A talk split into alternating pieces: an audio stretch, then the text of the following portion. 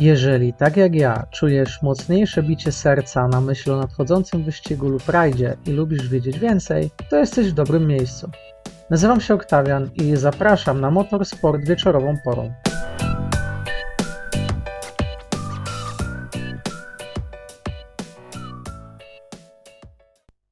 Cześć, witam Was w trzecim odcinku Motorsportu wieczorową porą.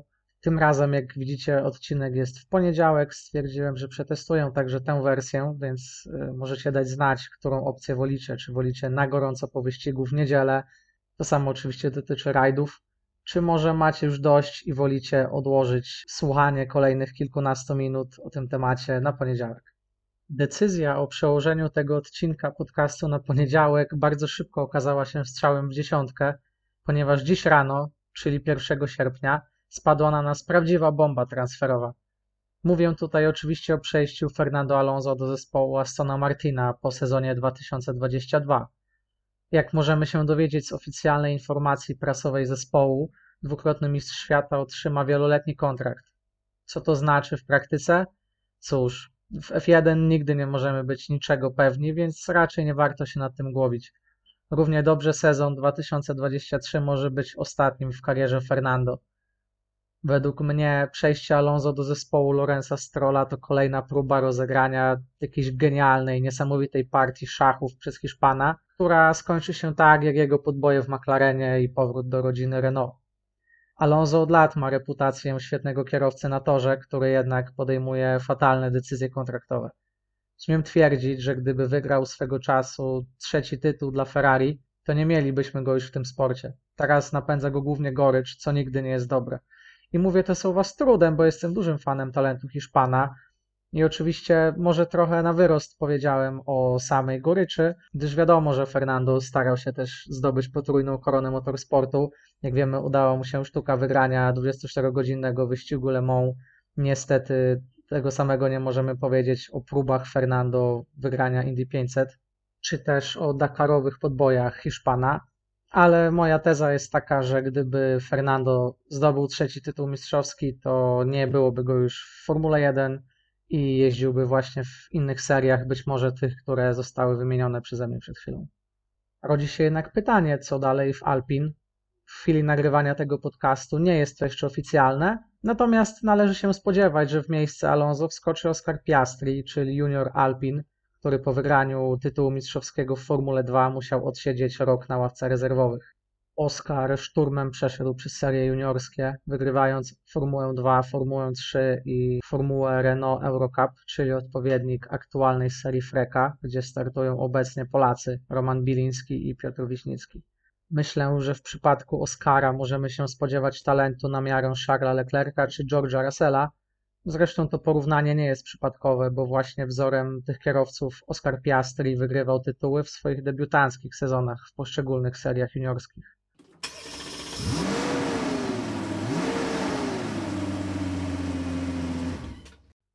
Jak już tego słuchasz, chciałbym Cię serdecznie poprosić o obserwację i ocenę podcastu na Spotify oraz subskrypcję i polubienie na YouTube. Zajmie Ci to mniej więcej tyle czasu, ile trwa ten przerywnik. Bardzo Ci dziękuję, lecimy dalej.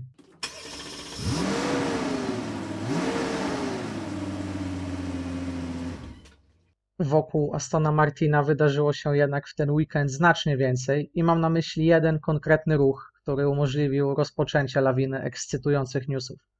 Zacznijmy więc od początku, czyli od tego, co miałem zaplanowane na otwarcie odcinka, zanim odrobinę kontentu zapewnił mi Fernando Alonso.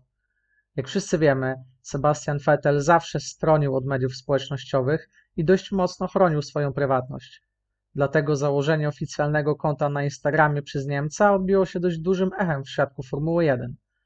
Czterokrotny mistrz świata zebrał setki tysięcy obserwujących, zanim jeszcze zdążył zrobić cokolwiek na swoim koncie. Niestety, pierwszy post kierowcy Astona mocno ugasił entuzjazm fanów. Był to oczywiście film, w którym Seb ogłasza swoje przejście na emeryturę po sezonie 2022. Jeśli słuchaliście słów Fetela, to raczej nie mam tutaj wiele do dodania, a tym bardziej do oceniania. Sebastian podjął dojrzałą decyzję i nie musi już nic nikomu udowadniać. W porządku, być może większość jego statystyk nie wygląda tak imponująco podczas zestawienia ich z rekordami Louisa Hamiltona, Ale nie można zapomnieć, jak zgrany duet stanowił Seb z Red Bullem jeszcze 10 lat temu. A może już 10 lat temu? Nie wiem, zależy jak szybko lubicie się starzeć. Muszę szczerze przyznać, że w okresie dominacji Red Bulla byłem ogromnym antyfanem Niemca, ale myślę, że nie tylko ja. Zresztą Seb bardzo mocno się zmienił przez te wszystkie lata i można powiedzieć, że na naszych oczach przemienił się z młodego, godnego zwycięstw za wszelką cenę zawodnika świadomego i rodzinnego faceta.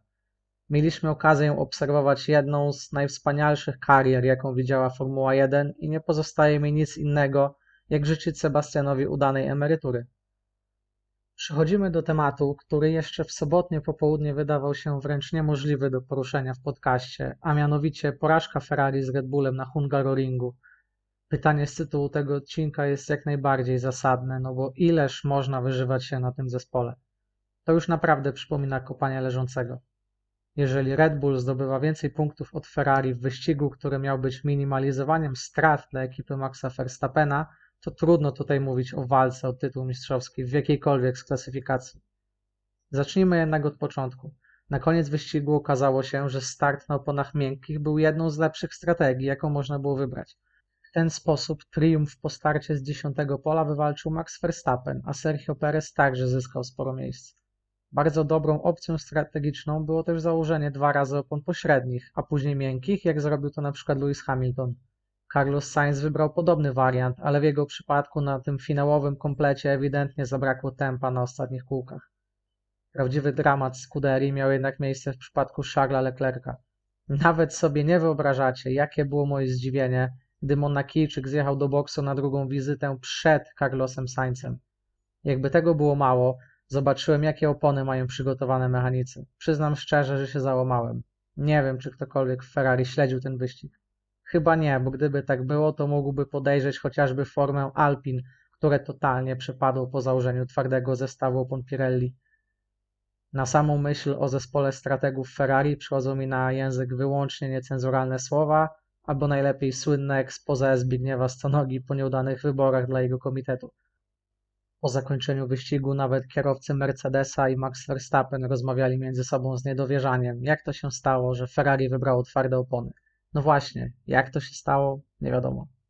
Sytuacja w klasyfikacji generalnej dla zespołu z Maranello jest taka, że tej sytuacji w zasadzie już nie ma.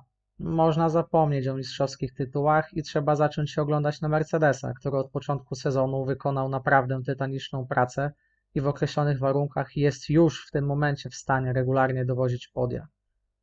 Ironiczne wydają się tutaj słowa Matti Binotto, który przed weekendem pod Budapesztem dumnie mówił o tym, że nie widzi przeszkód, aby wygrać pozostałe 10 wyścigów. Cóż, wydaje mi się, że pan Binotto nie patrzył dość dawno w lustro. Oczywiście to nie tak, że tylko dramatyczne decyzje Ferrari pozwoliły wygrać wyścig Maxowi Verstappenowi.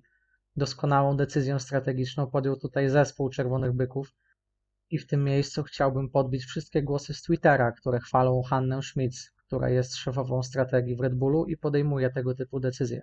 Naprawdę czapki z głów, bo co prawda zmuszenie Ferrari do błędu nie jest najtrudniejszą sztuką na świecie, ale presja pracy na pitwallu zawsze jest ogromna i to nie pierwszy raz, kiedy Red Bull błysnął świetnymi wyborami strategicznymi. W Formule 1 rozpoczynamy wakacyjną przerwę, która potrwa 3 tygodnie. Bolidy zobaczymy ponownie na torze w ostatni weekend sierpnia podczas Grand Prix Belgii na torze Spa. Jednak dla fanów rajdowych emocji mam dobre wieści. Już za tydzień rajd Finlandii w WRC, a także rajd rzeszowski w rajdowych samochodowych mistrzostwach Polski. Czekacie? Ostatnio Kalle Vampera starał się studzić emocje, mówiąc, że nie musi niczego udowadniać i obejdzie się bez triumfu w domowej rundzie Mistrzostw Świata. Ale w końcu jakoś musiał zdjąć z siebie presję, prawda? Jakie są wasze typy na pierwszą trójkę? Ja przy okazji podcastu po rajdzie Estonii przewidywałem dominację młodego Fina i podtrzymuję te słowa. Mam jednak nadzieję, że kiepsko się one zestarzeją, bo jak tak dalej pójdzie, to mistrzowskie tytuły w F1 i WRC rozdamy jeszcze przed jesienią i to w obu klasyfikacjach. Z kolei w Rzeszowie czeka na nas piąta runda tegorocznego cyklu RSMP, a druga na asfalcie. Kierowcy zmierzą się z 11 odcinkami specjalnymi, które zostały podzielone na dwa dni. Na liście zgłoszeń znalazło się 89 załóg. Będziecie śledzić zmagania w Rzeszowie? A może wyjeżdżacie, jeżdżacie na urlop i odstawiacie na bok wyścigowe i rajdowe emocje? Ja, jak zawsze, czekam na Wasze głosy. Bardzo dziękuję wszystkim, którzy do tej pory zdecydowali się wesprzeć mnie dobrym słowem. Jesteście naprawdę super. Do następnego i hej!